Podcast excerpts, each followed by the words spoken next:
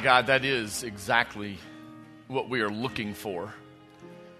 And Lord, we come to you with our expectations and heavy hearts of things that we want to see happen and how we want it to be done. But God, help us to be bold enough and courageous enough to leave our expectations at your feet, trusting the very one who will do it in the way that he sees fit and knows that is best.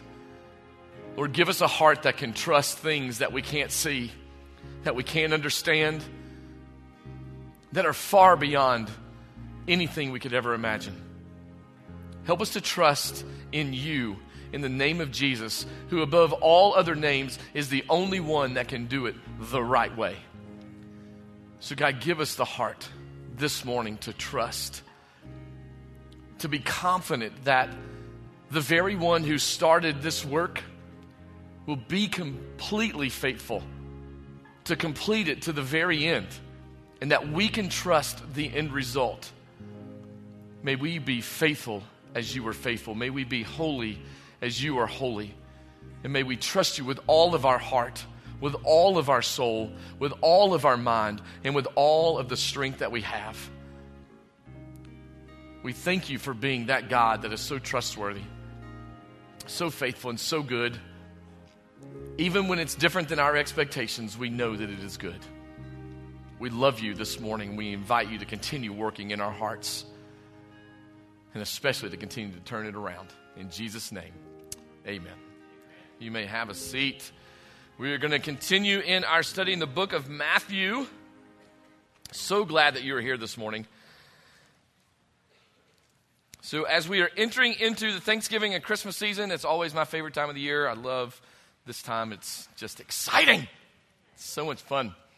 This uh, passage that we're going to look at today is the wedding feast, and we're going to divide it up into two sermons uh, just because there's so much in it.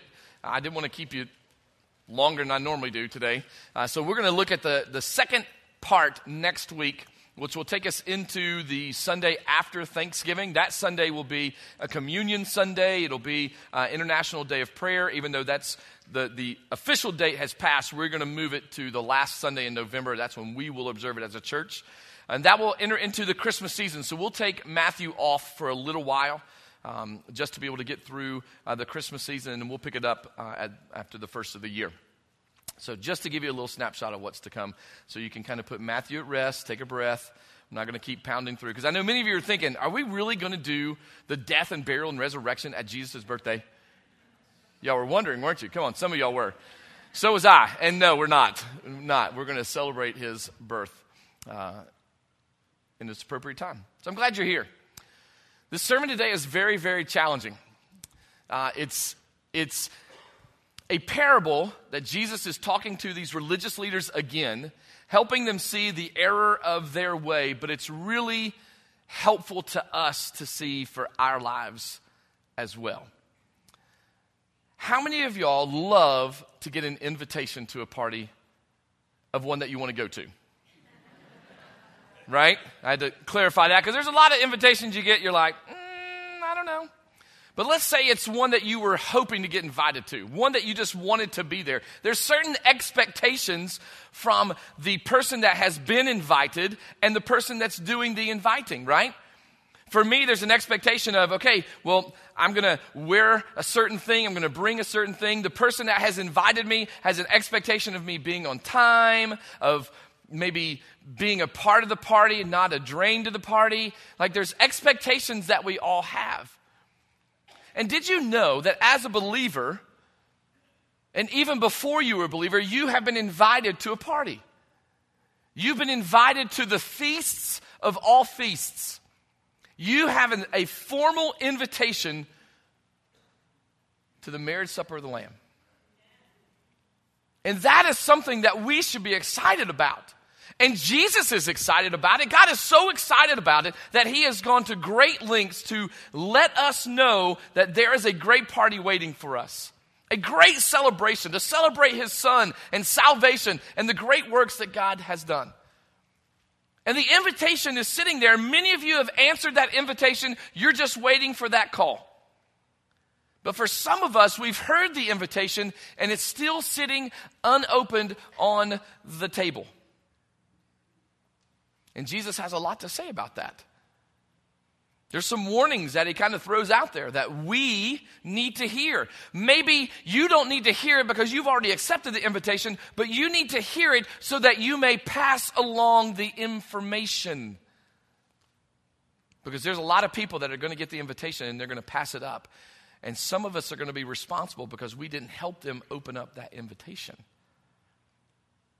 And you're thinking, whoa, wait a second. We're trying to go into Thanksgiving and Christmas, and this is kind of, listen, folks, this is serious stuff.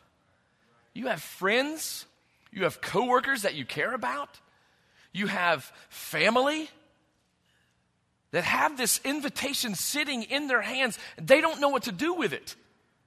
You've already opened it, you know what's in it, you know what's to expect. And it is high time we as believers start helping our friends and our family and those that we say we love and care about open up that invitation to see what great things God has in store for them.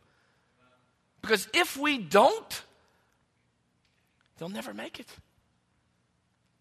They'll be lost for all eternity. We have a job, we have a responsibility, much like the Pharisees had. They had a job of unpacking the Old Testament for the people to, for the Jews to allow them to see the great thing that was to come, which was Jesus, and they missed it. The invitation was in their hands, and they set it aside to please themselves. And if we're not careful, we can find ourselves in that same spot. There's an invitation to a party that I want to bring your attention to today. There's a desire for your attendance. Just like any other party you're invited to, the reason they're sending it to you, this invitation, is they want you to be there. They enjoy your company. Maybe you're loaded and you bring good gifts. Just kidding. They want you to be there. There's a, a, strong desire. I want to be in your presence and celebrate with you something that is important to me. And this invitation that God has sent to us, that Jesus is offering to you, He desires your attendance.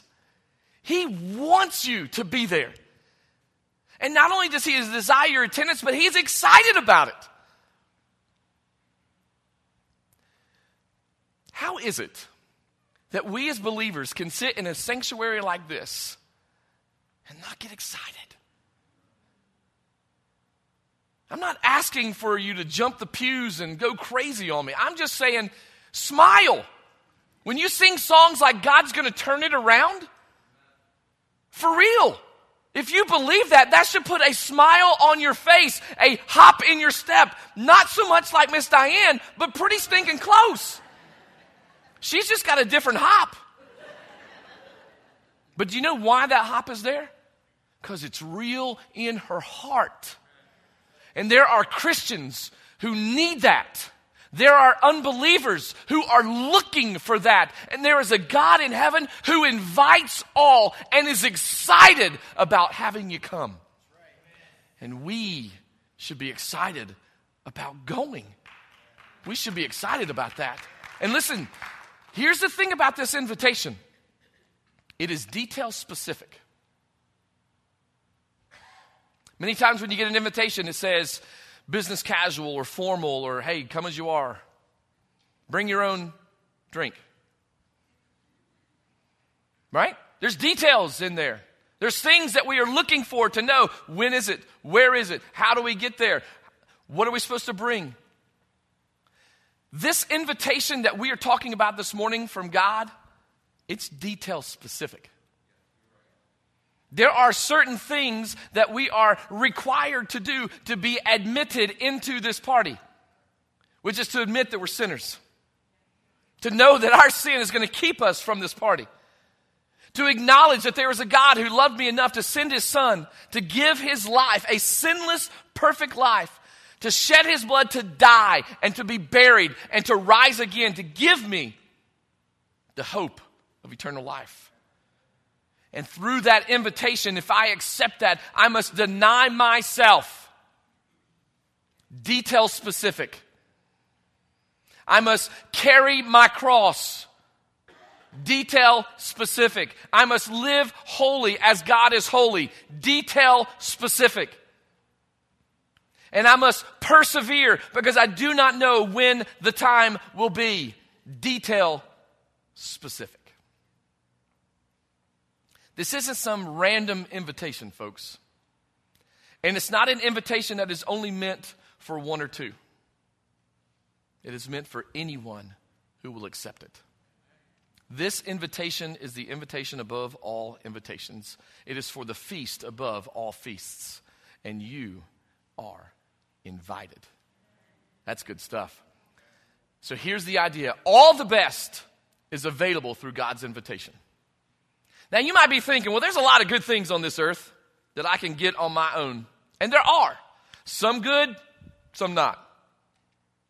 But when we consider God's invitation to be a part of eternity, to be a part of a movement that has been going on for all lifetime, He is inviting us into something that is so good that we cannot get the goodness anywhere else. I was talking to a friend this morning about the peace that God provides us in those moments when we need it most. You can't find that anywhere else. And it is something that leaves a lasting mark on your life. This invitation from God is not just about eternal life, it is about experiencing life now the way that it was created to be experienced, the way that it was meant to be lived. That is what God is inviting us to be a part of. Don't you want to be a part of that? Don't you want to experience all the good stuff? Well, let me tell you something. It might require you to do some things that you weren't prepared to do. It might challenge you to think a little bit differently. It might challenge you to let go of some things that you've held on to too long. It's detail specific, folks. This invitation is meant for everyone. All have the opportunity. The question is, are you willing to take it? Let's look at the story, Matthew 22. We're going to just read the first nine verses, and then we'll finish up next week. Again, Jesus is. Uh, let, let, me, let me remind you what, this, what time period we're in. This is before he is crucified, after he has already rode in on the triumphal entry. This is the week of all weeks for him, and he is raising the bar of his ministry. It's no more Mr. Nice Guy, really. Jesus is, he's got a week left, and he knows it, and he is pulling out all the stops, he's pulling out all the communication tricks, and he is hitting people where they need to be hit. So if it's a little uncomfortable for you to hear what he's sharing, good. Because that's what he's looking for. That uncomfortableness is sin in our lives or wrongdoings in our lives or wrong thinking in our lives that he's trying to weed out and get out of us so that we can experience the goodness of the invitation of living for him.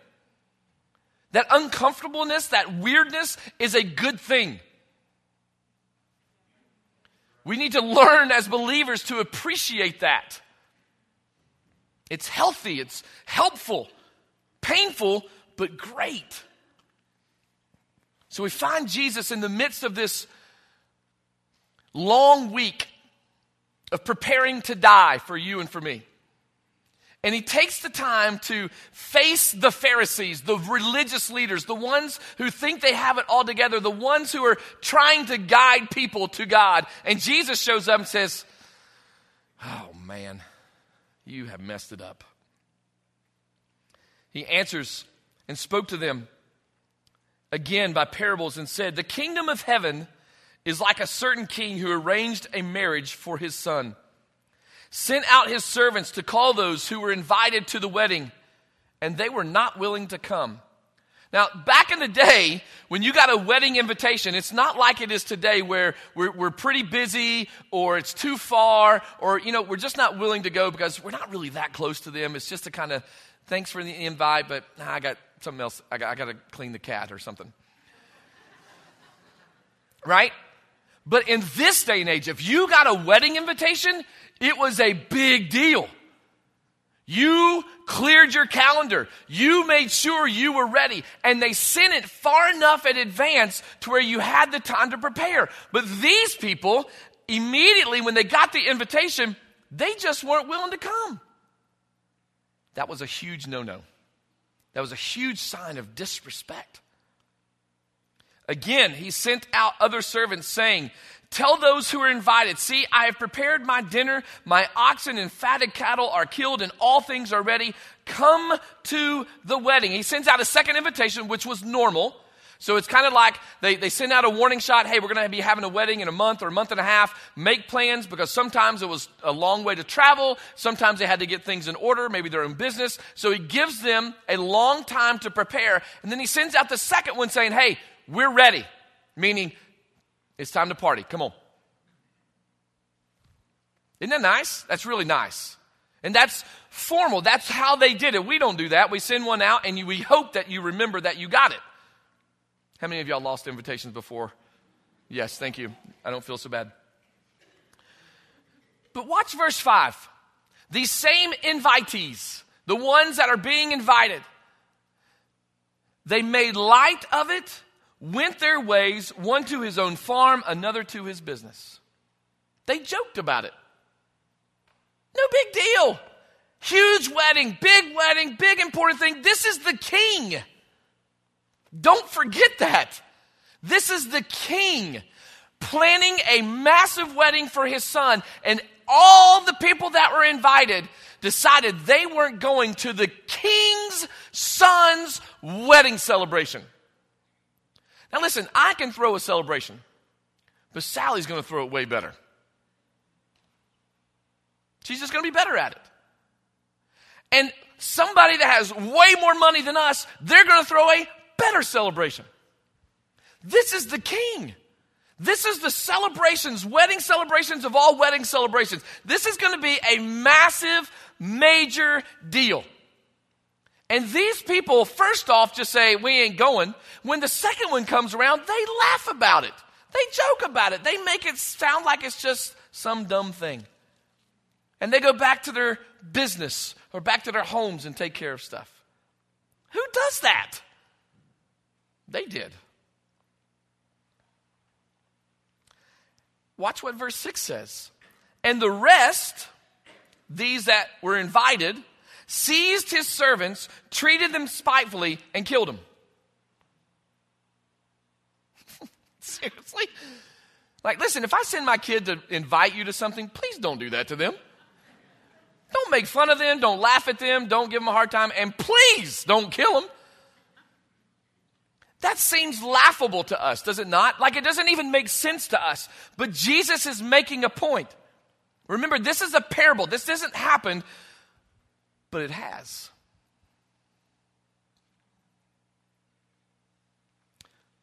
But when the king heard about it in verse 7, he was furious. He sent out his armies, destroyed those murderers, and burned up their city.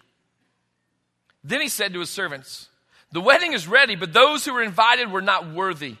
Therefore, go into the highways, and as many as you find, invite to the wedding. The king hears about this, and he's like, Are you kidding me? Seriously? Here's what I'll do get my army ready, send them to the ones that killed my servants, and wipe them out. Take them out. And not just take them out, but burn their city. Now that seems extreme to me. But this is the king. This is the guy who should have everybody loving on him. This is the guy who everybody should have wanted to be at the king's celebration for his son. And they said, No, this is a joke. I've got better things to do. In fact, we're going to kill the ones that tried to come tell us and remind us. So he says, Fine, here's what I'm going to do. You're not even worthy enough to come and get it. So I'm going to invite anybody that will come. So he sends his servants out and just starts bringing people in. Anybody that wants to come. Now, there's a big theological implication with this sermon, if you didn't know that. So let me outline some story characters here. The king represents God in this instance, and his son is Jesus. And God is preparing this massive celebration for his son Jesus. It's going to be in heaven. But he sends servants to let people know. These are the prophets. These are messengers. These are preachers saying, hey, the time is coming. The time is now to get ready for the return of Christ for this major celebration. The invitees were Jews. And many of the Jews turned into Pharisees and Sadducees and super important people who thought they knew best. And they mistreated those servants. And we can see in Scripture where they killed them. And God, in His infinite mercy, said, You know what? That's fine. I intended this message, this celebration to be for the people that I created it for, which is the children of Israel, but they aren't in tune with me right now, so I'm going to open it up to all of you. And I'm so glad that he did. Or else this would be pointless, right? We'd be killing calves out back. That's not fun. Everyone else is us. So, yes, this story is major in its theological stance. And what it is trying to portray to us that, listen, we are still in the waiting portion of this. The invitation has already been sent. It was sent through Jesus. But now we are waiting for that second invite to say, it's time. It is time. So let's look at this story and pick it apart a little bit. When we look at this wedding, again, I want to help you understand that the wedding invitation was so important in this day and time. This first invite was to give people time to prepare. Remember, they didn't have cars. Distances were long. It took time for the message to get there, and then it took time for them to travel. So, this first message was more of a, a warning shot across the bow saying, hey, something's coming up very, very soon. We want you to be ready. Which is super nice. In fact, God started it all the way back at the beginning of time. Hey, something's coming, you better get ready. Every prophet, every messenger, every person in Scripture that had something to do with God always talked about the Messiah that was to come. And then once he did come, they rejected him. But because he rose again, that second invitation is continuing to be postponed until his time is now, or is to, his time is to return. He is waiting. And when it happens, you better be ready. Because it's going to happen in the blink of an eye. It's going to happen so fast, we have no idea when it's going to take place, but you better be ready. Because let me tell you what's going to happen at the end of that. He is going to destroy those who did not answer the invitation. Happy Thanksgiving. right? Listen, I, I, understand why churches don't like to talk like that. Because when I say things like that, you may not feel it, but I feel the hush and the tenseness that comes across you guys. Because that's uncomfortable to hear. But if that's why you come to church to be comfortable, you're in the wrong space. Because I want to share truth with you that was probably going to make you uncomfortable to some degree, but if you know me at all, you know my heart is to help you and to encourage you and to push you in the direction of being prepared. Because I don't want you to miss out. I know what's coming, and man, am I ready. But I don't want you to miss it. I don't want you to miss any of it. So, that second invite that comes is simply to say, hey, it's time. Now, you could play with this in many different ways. Did you know that it's at least like 7.2, I think is the average number? 7.2 times of hearing the gospel presentation before somebody will actually give their heart and life to Christ. Now, that's a statistical number, then you know what statistics are. You can mess with statistics. I don't know how accurate that is, but it must be because they put it in the book, so it's got to be true. But the reality is that first invitation is always coming at you to accept, hey, God has got something for you. God loves you. God wants to forgive you of your sins. God wants to give you a better life. God wants to give you eternity. That first invitation is right there, and it is our responsibility to accept it and prepare. To prepare for that return. To, to persevere to the end. To be ready for when that second invitation hits. We are ready to go. This is important folks. Many of you are still sitting on that first invitation. It's gathering dust. Some of you may have lost it. You don't even know where it's at. Some of you may have opened it and thought, mm, that's nice, and threw it aside. Some of you opened it and said, yes. Here at Townsend Church, that is our prayer for you. We want you to say yes, loudly, boldly, but carefully and cautiously. It's a big deal. Now, we're going to learn in next Sunday's sermon that there was something that would take place when you would come to wedding feasts like this, especially for the king. Because these wedding invitations would go to all um, people of all kind of economic status. Anybody that got an invitation could come. Some would not be able to dress as well as others. And so when you came to the wedding, what would happen is the um, the, the, uh, the king, the person that was uh, holding this wedding, would offer you a garment that you would wear as a wedding garment that would level the playing field. Everybody got the same garment.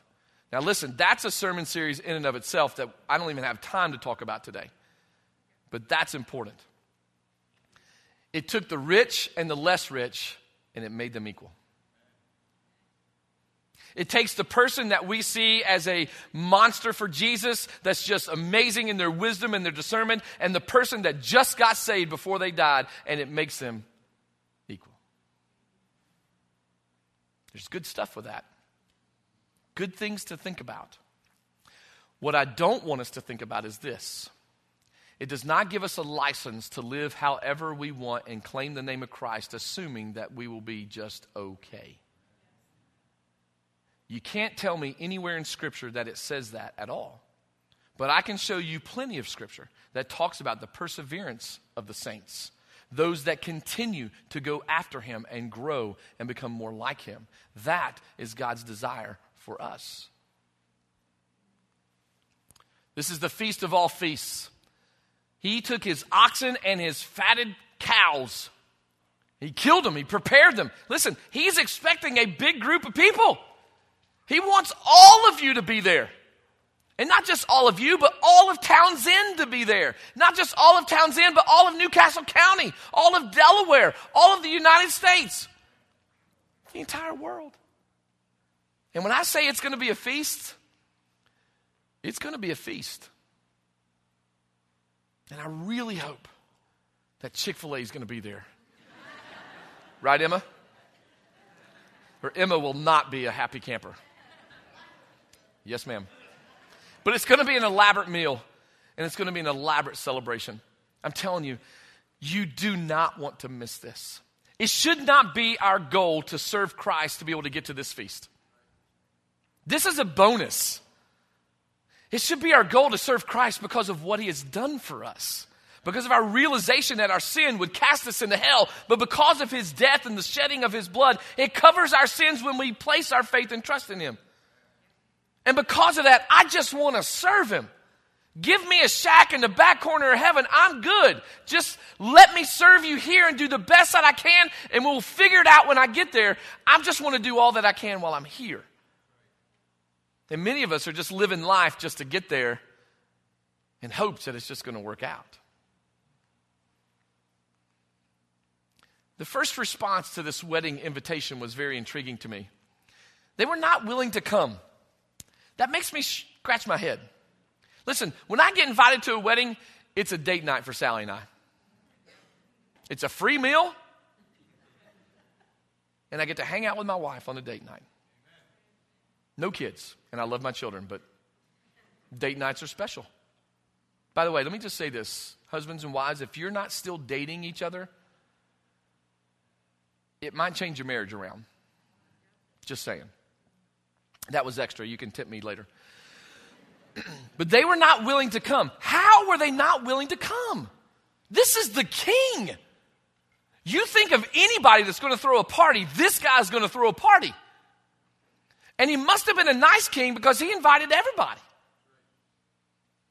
But they were willing not to come.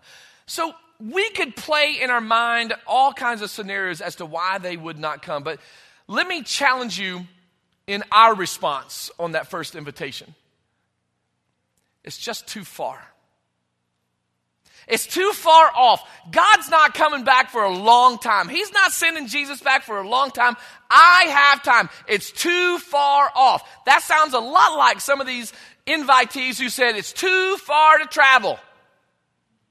I'm not willing to go. It's too far. I'm not willing to leave, live for Jesus yet. It's just too far off. I want to sow my seeds and live my life, and then I'll give my life to Christ when it's the right time.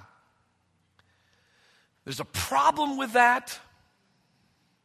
You're not guaranteed your very next breath. You're not guaranteed tomorrow at all.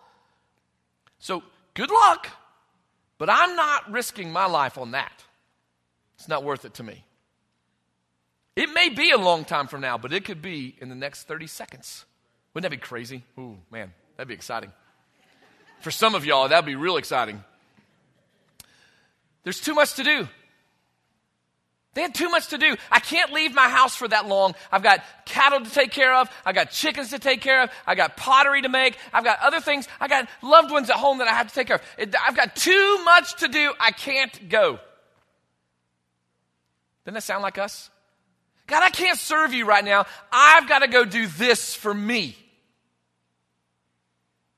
But some of you may be saying, well, well, but I've got to do this for somebody else. Well, let me ask you, why are you doing that for somebody else? Is it really to self serve yourself?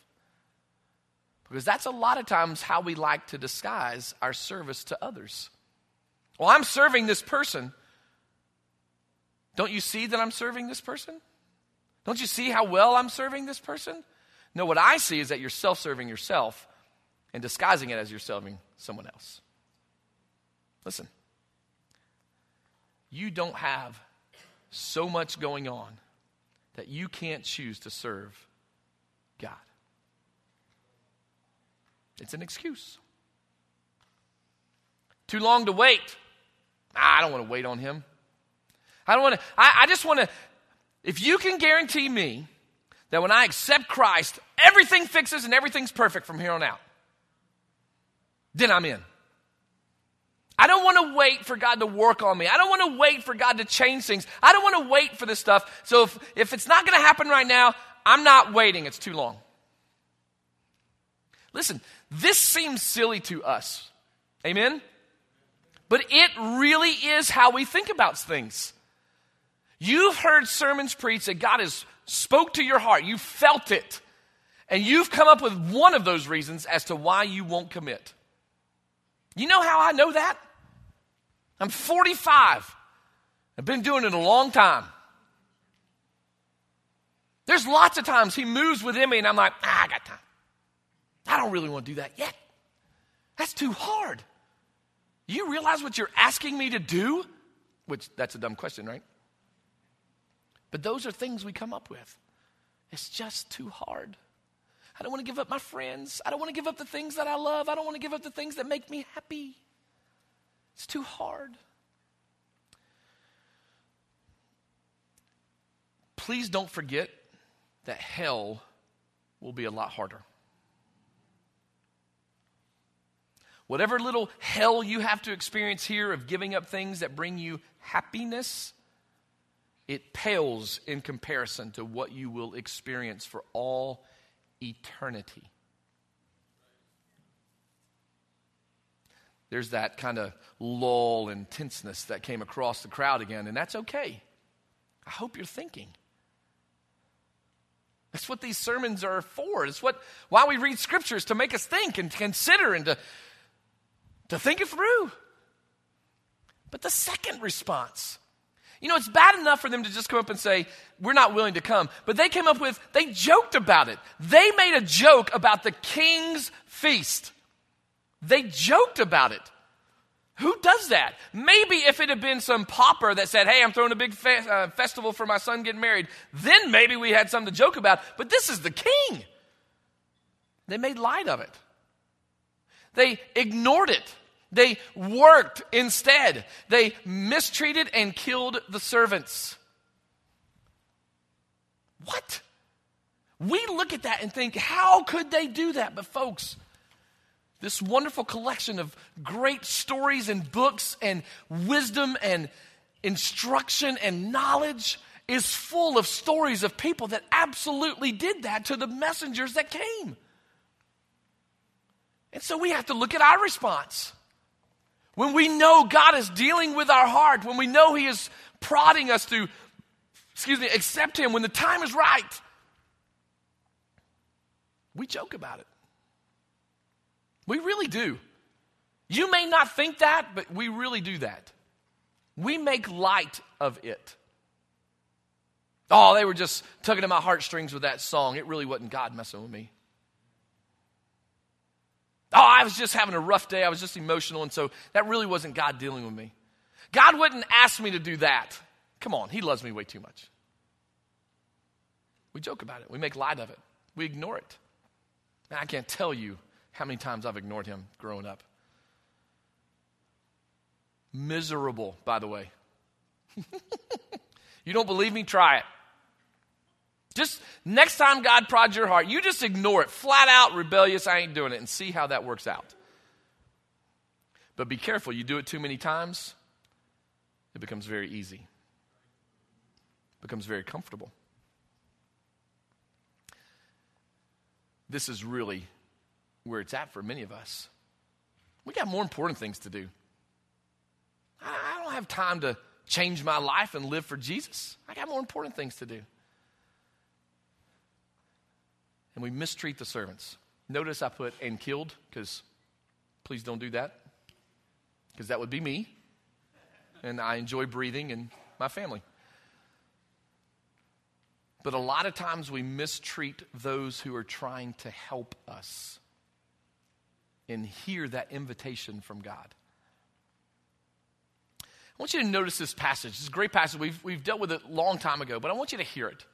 Because Psalms 1 to me explains the difference of where we need to be. It says, Blessed is the man who walks not in the counsel of the ungodly, nor stands in the paths of sinners, nor sits in the seat of the scornful.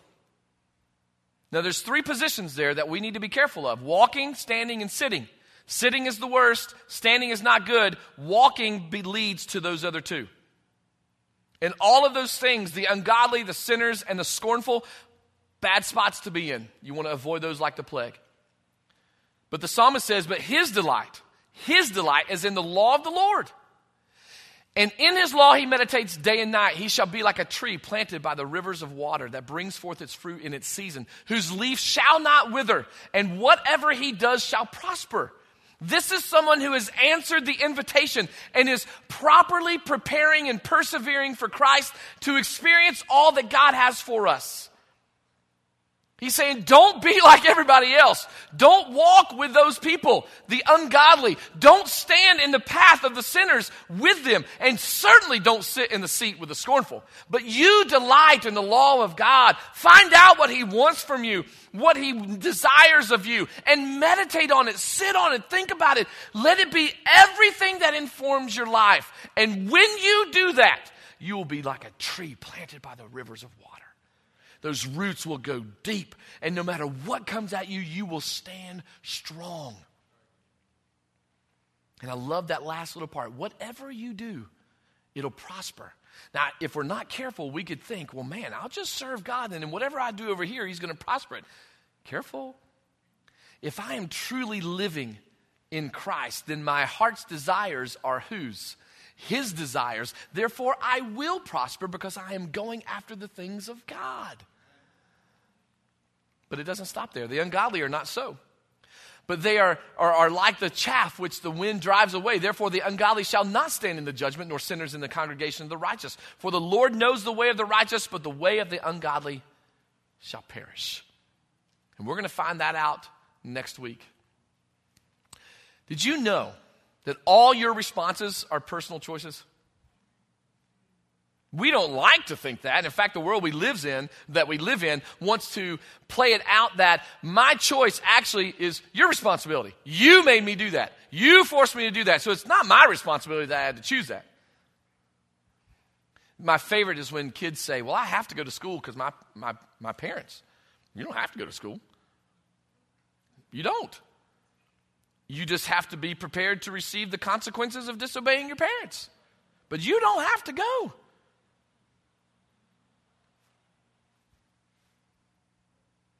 I don't have to do speed limit. But I have to be prepared. Pay those fines and hear it from my wife. We don't have to do anything. We choose to comply or not.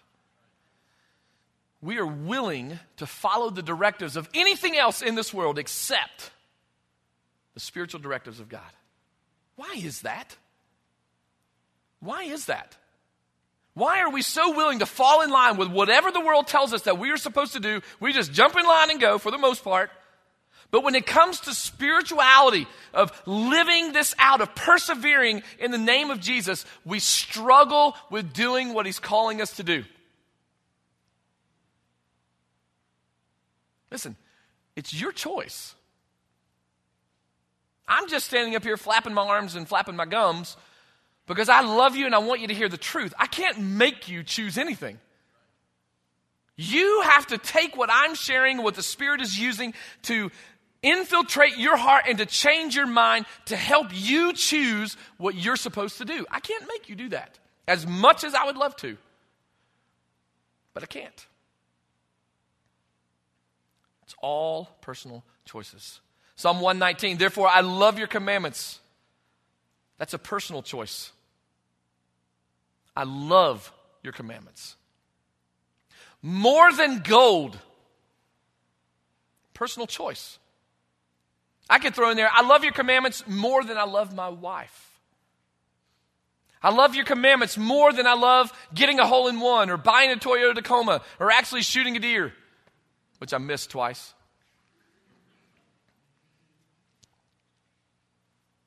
More than gold, there's nothing more precious than gold. But the psalmist says, I love your commandments. Commandments, meaning telling me what I should do and what I shouldn't do. Telling me that I don't have a choice in the matter. This is what's ex- expected.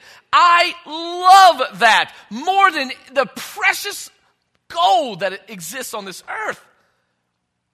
We don't live that way. Let's just be real and honest.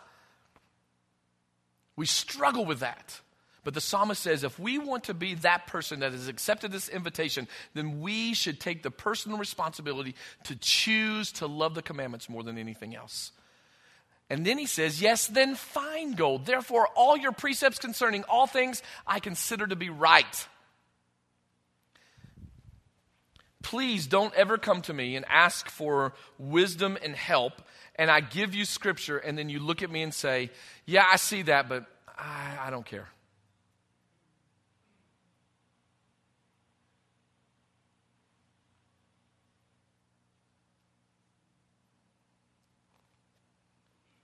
You know that happens, right? We do it every day. A little word flies out of our mouth towards someone that we know is very mean and insulting. Ephesians 4:29, let no corrupt communication proceed out of your mouth, but that which is good for the use of edifying. We just broke a commandment, a law, a, an encouraging thing to help us be better people. There's things all through Scripture like that. And the psalmist says, I want to love these things more than anything else. And I consider it to be right. I hate every false way. One of the things that I've learned in my short lifetime is that for me to get over petty sins and things in my life, I have to learn to hate it first. I got to learn to hate it. Because until I learn to hate it, it's still going to hold or have a hold on me. Your testimonies are wonderful, therefore my soul keeps them. When I look at scripture and see things that God has done, those are the testimonies that I'm going to hold on to because they're right and they're good. Our response must be in line with his directives. Remember, his invitation is detail specific. Matthew chapter 7, verse 21. Here's what Jesus says in the Sermon on the Mount He says, Not everyone who says to me, Lord, Lord, shall enter the kingdom of heaven. That's scary. Well, how are we going to know when we get there if I'm going to be let in or not? He gives us the answer. He says, But he who does the will of my Father in heaven. The answer is simple. We don't have to guess whether we're going to go to heaven or not. The will of the Father is to love Him with all of our heart, soul, mind, and strength, and to love our neighbor as ourselves. It is to do what is right, to love being kind, and to walk humbly with God. That's the will of our Father. And if we just stay in that, you will not be turned away. His first invite is to come and see. When he's talking to the disciples, he's calling those first disciples, and oh, that's the wrong scripture reference. Shoot. He says to them, Come see. They came and saw where he was staying and remained with him. They just simply followed him. They didn't know him from Adam. He just said, Come and see. And they came and they saw, and they saw enough. You realize that come and see is part of our little deal that we like to say. Come see, go live. We just want people to come and see because we know that if they can get here and see what God is doing, we believe that they will want to remain here and to continue growing in Him. And Jesus gives the invitation of come and see, but He gives a second invitation as well. He says, Follow me. Man, same thing. The following day, Jesus wanted to go to Galilee. He found Philip and said to him, randomly, he sees him and says, Hey, follow me. Follow me.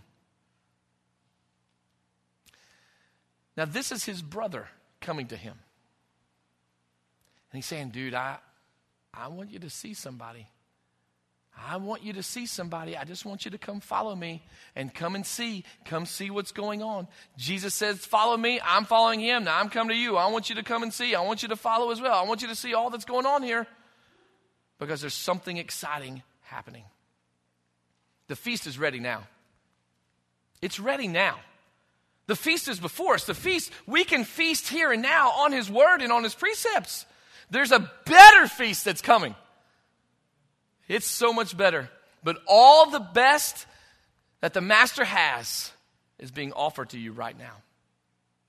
And it's in His Word. The invitation is simple just come and see.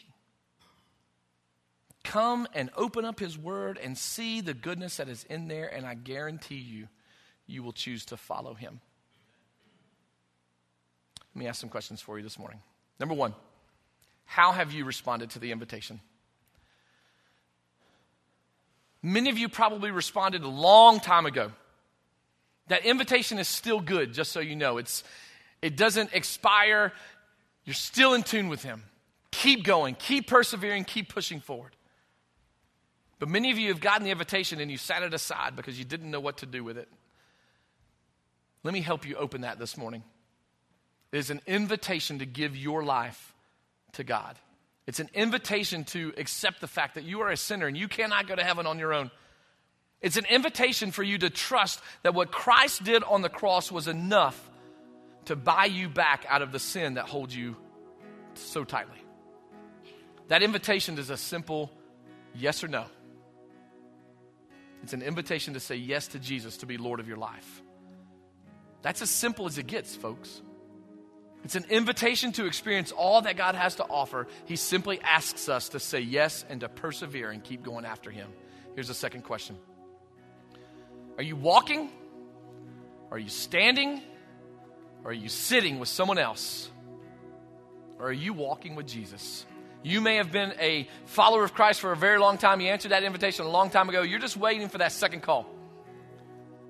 But you're tired. You're weary. You found yourself standing in spots you would not normally have found yourself standing in. Or maybe you started walking down paths that you know are not godly at all. Maybe you're sitting in the spot that you know you should not be sitting in.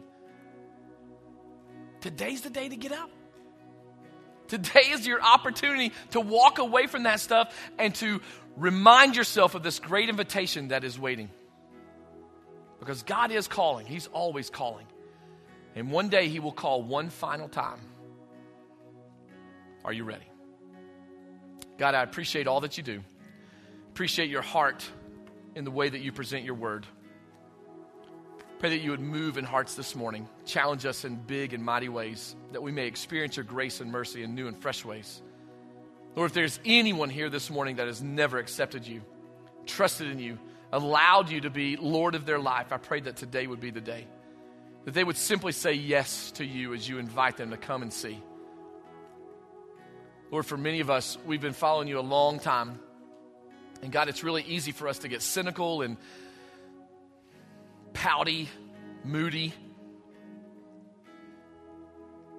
Lord, may we not find ourselves walking with those sinners or the ungodly or standing in the path of sinners and certainly not sitting in the seat of the scornful. But may our delight be in your law and may we meditate in it day and night. Move within hearts. Draw people to you today in Jesus' name.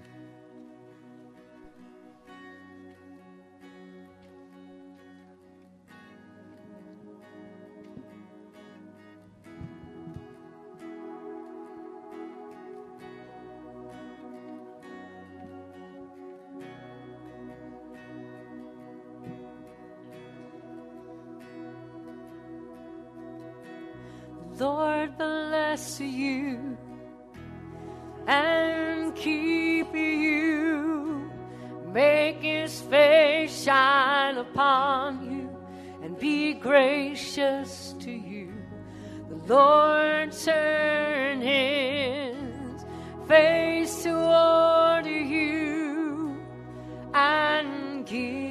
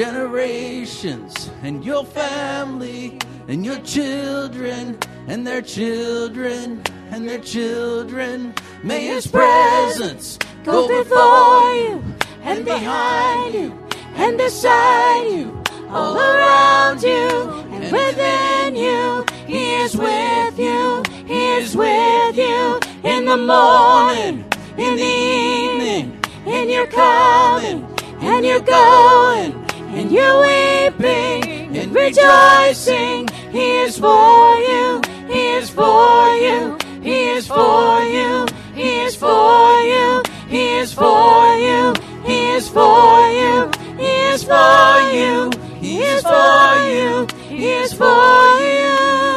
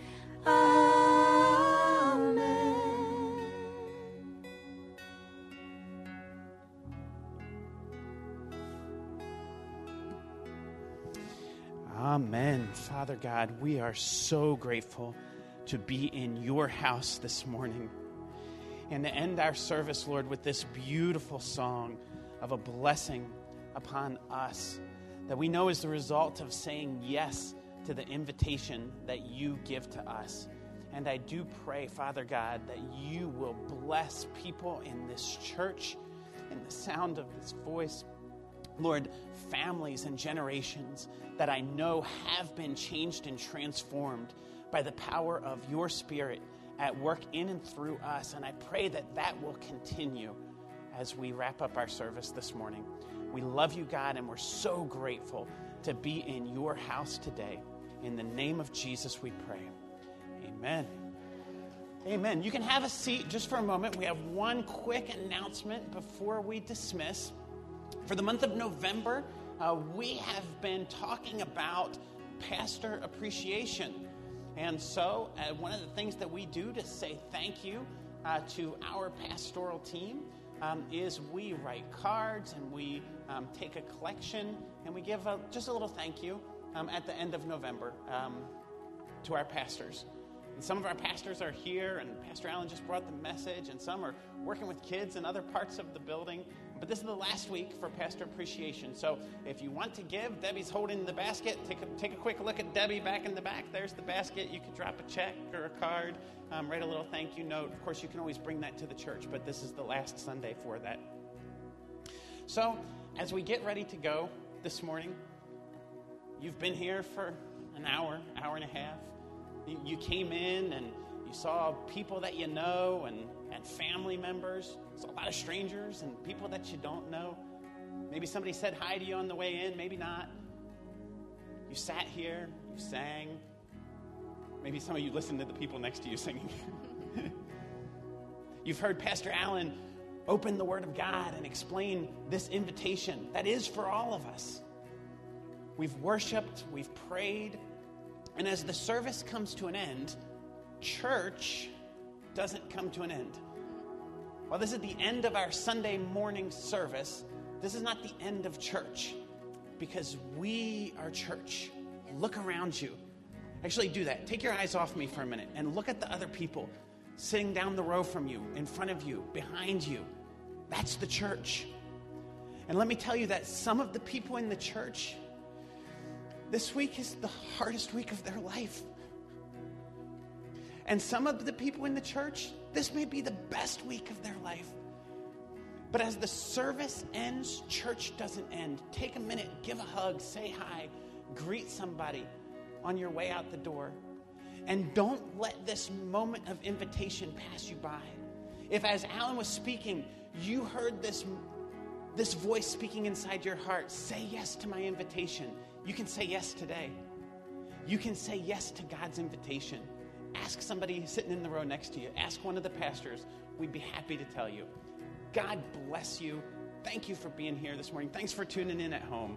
We're so grateful that you're part of the church. Have a great week. You're dismissed. Amen. May his favor be upon you and a thousand generations and your family and your children and their children and their children. May his favor be upon you and a thousand generations and your family and your children and their children and their children. May his presence go before you and behind you and beside you, all around you and within you. He is with you, He is with you in the morning, in the evening, and you're coming and you're going, and you're weeping and rejoicing. He is for you, He is for you, He is for you, He is for you, He is for you, He is for you, He is for you, He is for you, He is for you.